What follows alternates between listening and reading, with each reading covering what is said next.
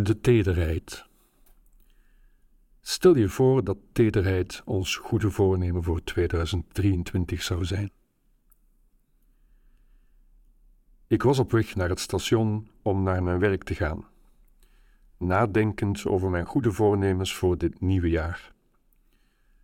Dat is altijd een proces van wachten en kijken. Wie ben je zelf? Misschien ben je iets als de golven van de zee, altijd in beweging. Soms denk ik dat de golven het verlangen van de zee zijn. Je zou kunnen zeggen dat een golf waarneembaar is, als een iets. Maar tegelijk kan een golf zichzelf niet ontzeeën. De zee kan nooit de ander zijn. En wie ben je zelf? Iets als de ogen die naar de golven kijken. Dat beeld hoorde ik onlangs van iemand en ik vond het meteen heel mooi. Nadenken over goede voornemens is iets als kijken en wachten op een beeld of een woord. Ik probeer mezelf al jaren te oefenen in stappen en wachten tegelijk, als een soort wandelende meditatie. Op dat moment kwam uit de andere richting een papa met zijn drie nog kleine kinderen. Eentje van hen zat in de kinderwagen. Zijn dochter, die achter hem aanliep, was aan het zingen. En toen merkte ik dat ze als een echo waren. Zij zong een stukje en daarna zong de papa een stukje. En dan zij weer. En zo waren ze op weg ergens naartoe. Ik moest dus naar het station met nog een omweg langs het postkantoor om twee verjaardagscadeaupakjes af te geven. En terwijl ik stond te wachten aan het loket, kwam het woord tederheid naar me toe. Ik kon er moeilijk iets over zeggen tegen de vriendelijke meneer aan het loket. Maar toen kwam dus die vraag in mijn hoofd: zou tederheid een goed voornemen kunnen zijn? Ik ben vaak niet zo blij met zo'n woord dat naar me toe komt, maar meestal wil dat zeggen dat het goed is. Misschien is wachten op een goed voornemen iets als uitgenodigd worden. In dat wachten is er een stilte, en in die stilte kun je iets zien van de weg die de jouwe zou kunnen zijn in de tijd die komt. Mij maakt het altijd heel even een beetje bang wat ook meestal wil zeggen dat het goed is. In mijn persoonlijk geval zie ik daar op die plek voor me onder meer de sporen die de tijd in mijn lichaam gemaakt heeft en wat ik daarmee te doen heb. Het persoonlijk verhaal is niet zo belangrijk, maar het heeft me iets geleerd over hoop en daar wil ik naartoe vertellen. Je probeert je huid te helen je probeert een trage dans te vinden die je toestaat om je golfbewegingen vrij te laten. Om te kunnen vertrekken moet je eigenlijk eerst naar een soort nulpunt, denk ik. Daar ben je heel kwetsbaar en naakt. Daar ben je heel raakbaar. Misschien is de stap die daarna komt, waar je in beweging komt, wel de moeilijkste. Daar beweeg je in de wereld. Daar word je elke dag opnieuw geboren en daar kun je elke dag opnieuw beginnen. Daar zou je aanraakbaar kunnen zijn. En daar is dan ook de tederheid. Sorry voor de heel vage woorden, maar iets in die aard dacht ik in die paar minuten tussen het station van aankomst en mijn werkplek. Er was veel wind en enkele mensen met een lege blik in hun ogen doolden door de straten, alsof ze verloren waren. Wat je wel doet, doet ertoe. De woorden die je uitspreekt, ze doen ertoe. Zo probeer ik soms naar een dag te kijken. Zo vaak heb je het gevoel dat je faalt Soms denk je dat alles te groot of te zinloos is. Soms voel je je afgescheiden van de anderen. Soms voel je alleen dat oude verdriet dat diep in je ergens huist. Er zijn altijd honderd en ene redenen om niets te doen of te zeggen, of te denken dat niets er nog toe doet. Als je dat omdraait en kijkt naar die nog lege weg voor je, dan zie je een uitnodiging. Ik probeer dan te oefenen in kleine dingen, zoals gewoon even vragen aan de mevrouw aan de kassa of ze al een goede week heeft gehad. Er komt dan meestal een heel kort moment van verwarring en daarna begint er iets te blinken in haar ogen. Iets is gebeurd. Iets dat een klein beetje zacht is, dat ook niet had kunnen gebeuren. Misschien zal ze s'avonds thuiskomen in een koud, leeg huis, nu ze probeert haar leven na echtscheiding weer op orde te krijgen. Misschien zal ze heel even tijdens het koken denken aan dat ene moment in de dag, toen iemand vroeg hoe haar week geweest was. En misschien zal ze dan glimlachen en denken dat ze ook de volgende dag wel zal overleven. Het overkomt me ook wel eens, zoals onlangs nog. Ik ben meestal vroeg op en er werd bij me aangebeld terwijl ik nog aan het ontbijt zat met de kranten. Het was de meneer van PostNL, die een heel grote doos bij zich had voor een buurvrouw en vroeg of hij die bij mij mocht afgeven. Hij was mogelijk al uren onderweg op dat moment. Terwijl hij de doos over mijn terrasrand duwde, keek hij me met zachte ogen aan en wenste me een gelukkig nieuwjaar. Het heeft iets te maken met kijken.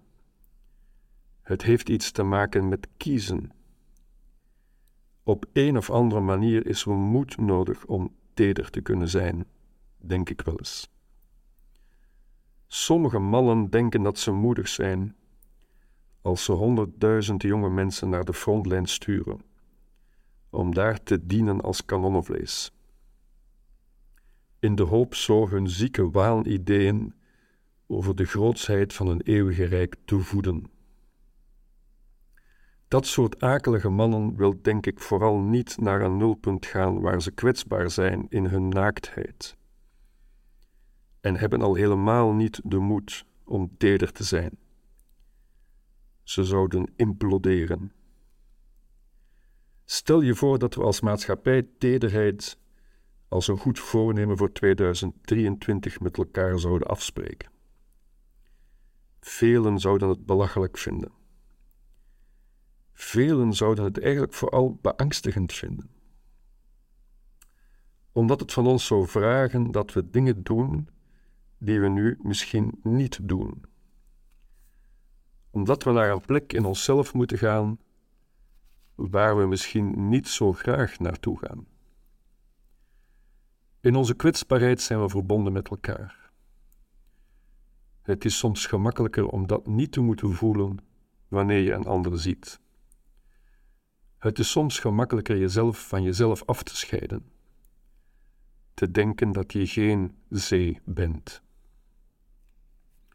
Stel je voor dat er een interministeriële conferentie komt met alle regeringen van ons land en dat onze eminente politici met elkaar afspreken dat ze in 2023 gaan oefenen in tederheid. Het hoeft niet meteen te lukken, ze mogen elke dag oefenen en elke dag opnieuw beginnen. Tederheid wil wat mij betreft niet zeggen dat je het allemaal samen gezellig over alles eens moet zijn. Liefst niet zelfs. De essentie van een democratie is dat er verschillende visies zijn op wat het algemeen belang is.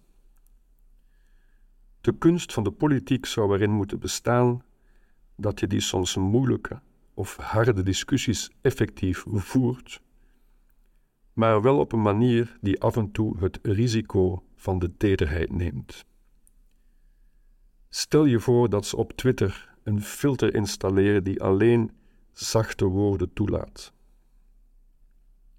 Stel je voor dat sommige politici met hun interstellaire ego zich gewoon oefenen in zwijgen.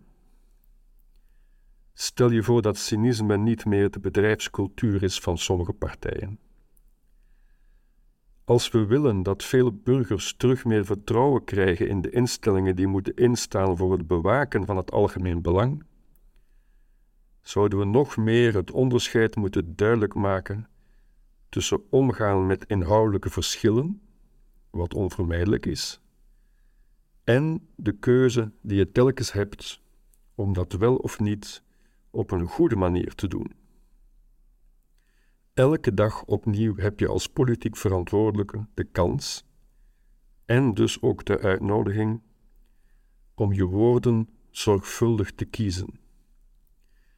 Populisme en cynische polarisering zijn geen fataliteit. Een minister is helemaal niet verplicht om migranten met varkens te vergelijken. Misschien voelt dat stoer voor de minister in kwestie, zo van zie eens wat ik me allemaal kan permitteren. Maar misschien is de moed tot tederheid een mooier element voor een toekomstige kanon dan die kwetsende en ego-gerichte stoerdoenerij. Hoe warm het was tijdens de overgang van het oude naar het nieuwe jaar. Misschien was het fijn om in die naar winterse normen zoele nacht buiten te staan praten met onze dierbaren. Maar velen voelen zich ook een beetje ongemakkelijk en op een of andere manier ook schuldig. De waarheid van de klimaatverandering werd nog maar eens duidelijk. Dat besef is op dat moment een uitnodiging, een keuze, zou je kunnen zeggen. Als je je probeert in te denken dat je nog niet geboren achterkleinkind je een brief zou sturen over hoe jij bent omgegaan met de urgente uitdagingen van vandaag, dan weet je al min of meer wat er in die brief zou kunnen staan. Om dat echt te beseffen, moet je evenwel ook even in dat nulpunt gaan staan. Daar waar je naakt en bang en verdrietig zou kunnen zijn. Wat je daarna doet, bij je eerste stap, dat is de vraag. Wil je het risico van de tederheid lopen? Ik zit al een hele tijd met die woorden van Greta Thunberg in mijn hoofd. Dat hoop iets is dat je moet verdienen. Het is een gedachte die me wel eens kwelt en die me heel klein maakt. Heb ik voor mijn achterkleinkind wel gedaan wat ik kon? Had ik de moed om dat kleine en daarna grote ding net wel te zeggen of te doen, of net niet? Waren mijn woorden zacht genoeg wanneer ik harde dingen wilde zeggen? Ben ik erin geslaagd om nooit cynisch te worden? Faalde ik niet te vaak? Heb ik mijn kracht voor de goede dingen gebruikt? heb ik die dingen die ik kon doen en waarmee ik een verschil kon maken, hoe klein ook, gedaan. Ik kan het niet goed uitleggen, maar om hoop te zien en te voelen, moet je af en toe naar dat stille nulpunt. Om daarna telkens opnieuw te kunnen beginnen. Elke dag opnieuw. Elke dag opnieuw geboren worden zoals ik leerde van Hannah Arendt. Elke dag oefenen om dat te doen wat binnen je mogelijkheden ligt. In een leven in waarheid. Die eerste stap, telkens weer, die heeft iets met tederheid te maken.